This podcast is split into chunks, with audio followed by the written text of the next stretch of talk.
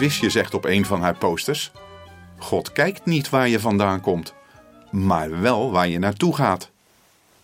Toen ik die tekst voor het eerst zag, moest ik denken aan de Amerikaanse tatoeagekunstenaar Chris Baker.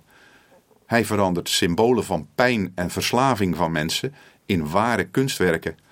Veel van zijn klanten zijn voormalige bendeleden en slachtoffers van mensenhandel die met een of andere naam of code of een symbool gemerkt zijn. Hij maakt die symbolen veel mooier. Jezus doet voor de ziel wat Chris Baker voor de huid doet. Hij neemt ons zoals we zijn en verandert ons.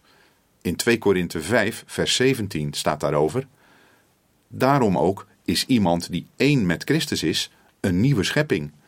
Het oude is voorbij, het nieuwe is gekomen.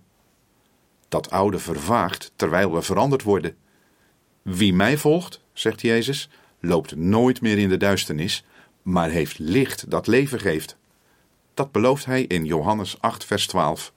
Dat zal onze toekomst zijn. Ja, visje ziet het goed. God kijkt niet waar je vandaan komt, maar wel waar je naartoe gaat.